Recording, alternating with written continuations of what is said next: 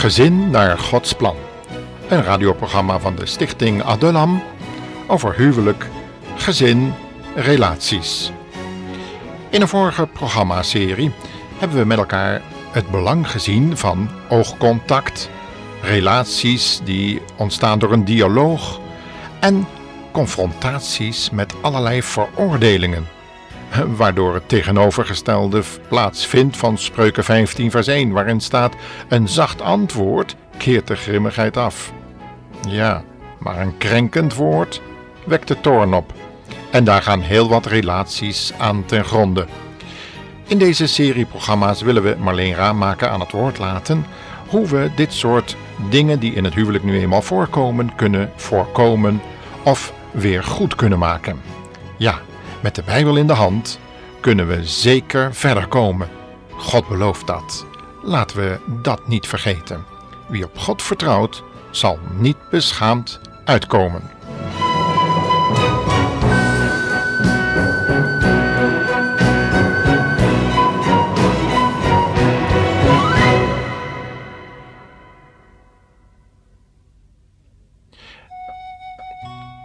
We hebben in onze vorige programmaserie Marleen aan het woord gelaten. Marleen en haar man doen al vele jaren huwelijkscounseling. En in dit gedeelte van het programma willen we graag de plaats van de humor samen bedenken. De plaats van humor in huwelijk en gezin. Laten we Marleen nog eens aan het woord laten. En nummer 10. Hou gevoel voor humor. Lach eens om jezelf en neem jezelf niet te serieus. Maak niet van een mug een olifant. Bekijk de problemen niet door een te donkere bril. En wees mild voor anderen. Luisteren vraagt een bewust willen delen in het leven. Denken en voelen van een ander. Je maakt het praten makkelijker door op de juiste manier te luisteren.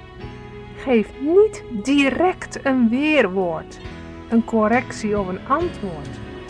Laat de ander uitspreken en blijf ook luisteren als hij of zij aarzelend en met tussenpozen spreekt.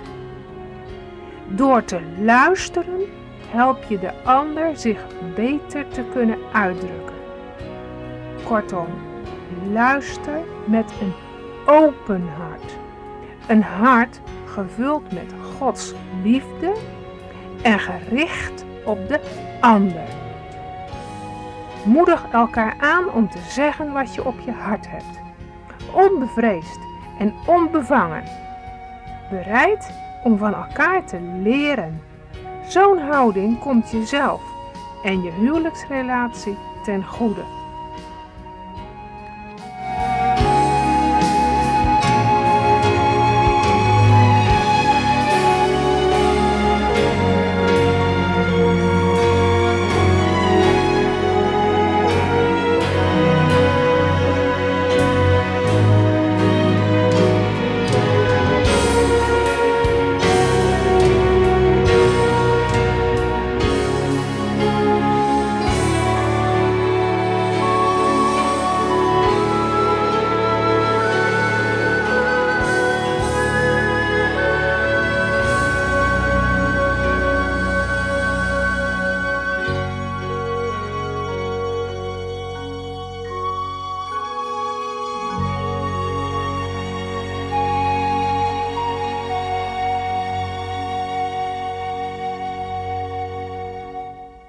Nu we aan het einde van dit soort vragen gekomen zijn, die speciaal binnen het huwelijk eh, en gezin een rol spelen, willen we elkaar toch nog wel eens een paar vragen stellen.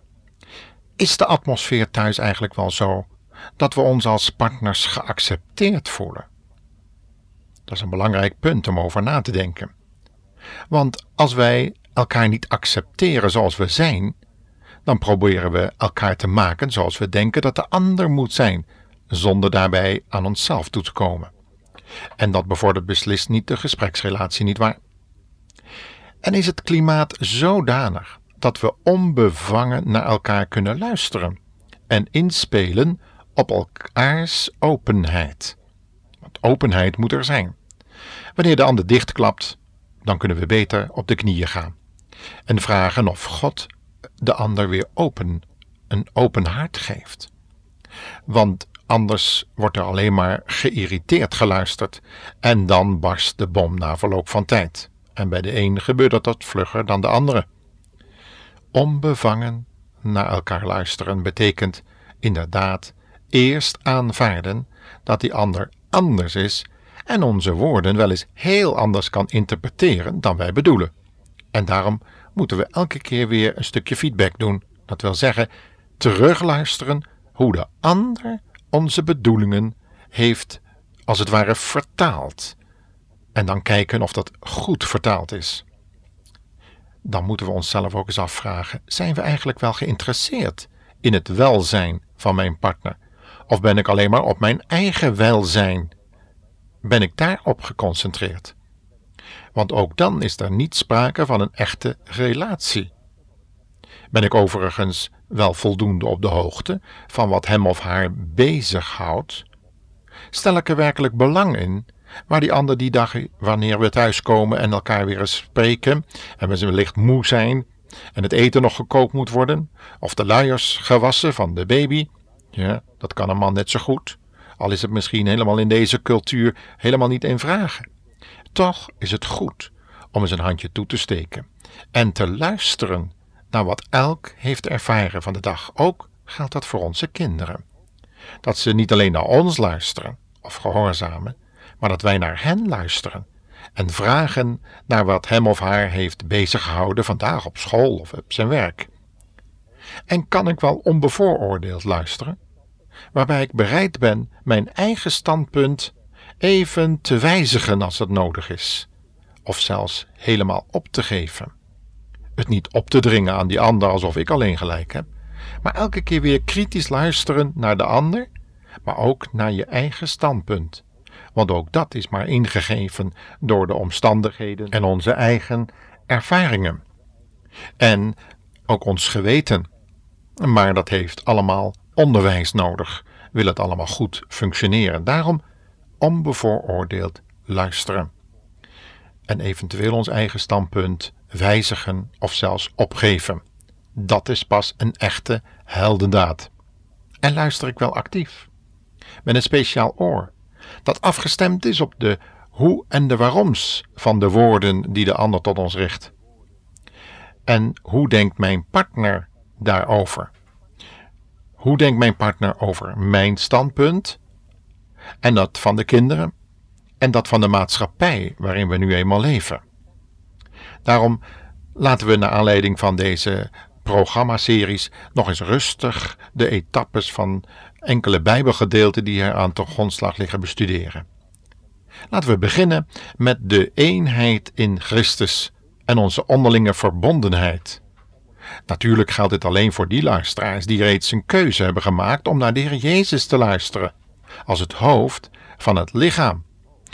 Nee, dan heb ik het niet over het hoofd van de kerk of de plaatselijke pastor.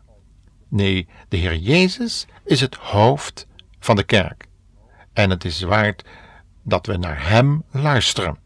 Dat we beginnen met op te slaan uit 1 Korinthe 12, vers 12 tot 27.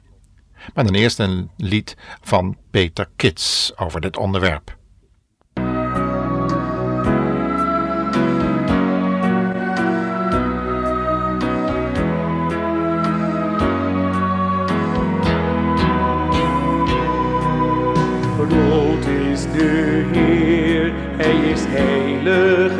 Door zijn macht en genade leven wij.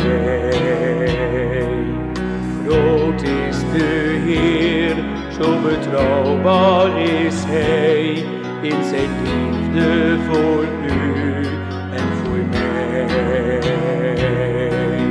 Groot is de Heer, zijn naam zij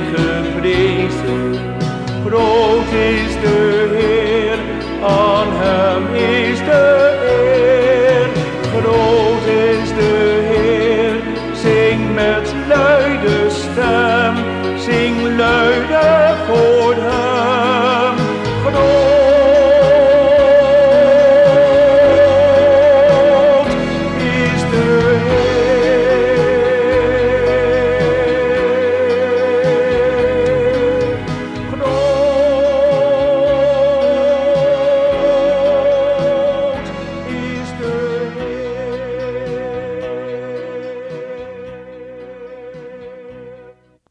Inmiddels hebben we dus 1 Korinthe 12, vers 12 voor ons.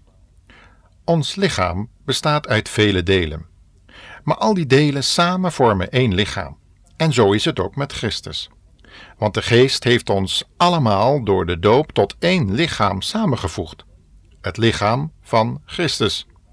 En het doet er niet toe of wij nu Jood of niet-Jood zijn, slaaf of vrij man, want we zijn allen doordrenkt met die ene Geest. Eén lichaam bestaat niet uit één enkel deel, maar uit vele delen. En als de voet zou zeggen dat hij niet bij het lichaam hoort, omdat hij geen hand is, hoort hij daarom niet bij het lichaam? En als het oor zou zeggen dat hij niet bij het lichaam hoort, omdat het geen oog is, hoort het daarom niet bij het lichaam? Als het lichaam alleen maar oog was, hoe zou het dan moeten horen? En als het lichaam een en al gehoor was, hoe zou het dan moeten ruiken? Nee, God heeft alle verschillende delen in één lichaam gezet, zoals hij het goed vond. Als er maar één deel was, zou u niet van één lichaam kunnen spreken.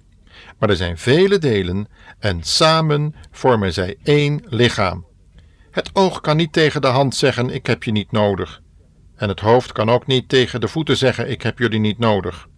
En de delen die het meest kwetsbaar schijnen, lijken juist het meest nodig te zijn. Aan de delen van ons lichaam die we niet graag laten zien, geven we toch bijzondere zorg, en de minder nette delen van ons lichaam worden netjes bedekt. De nette delen hebben dat niet zo nodig.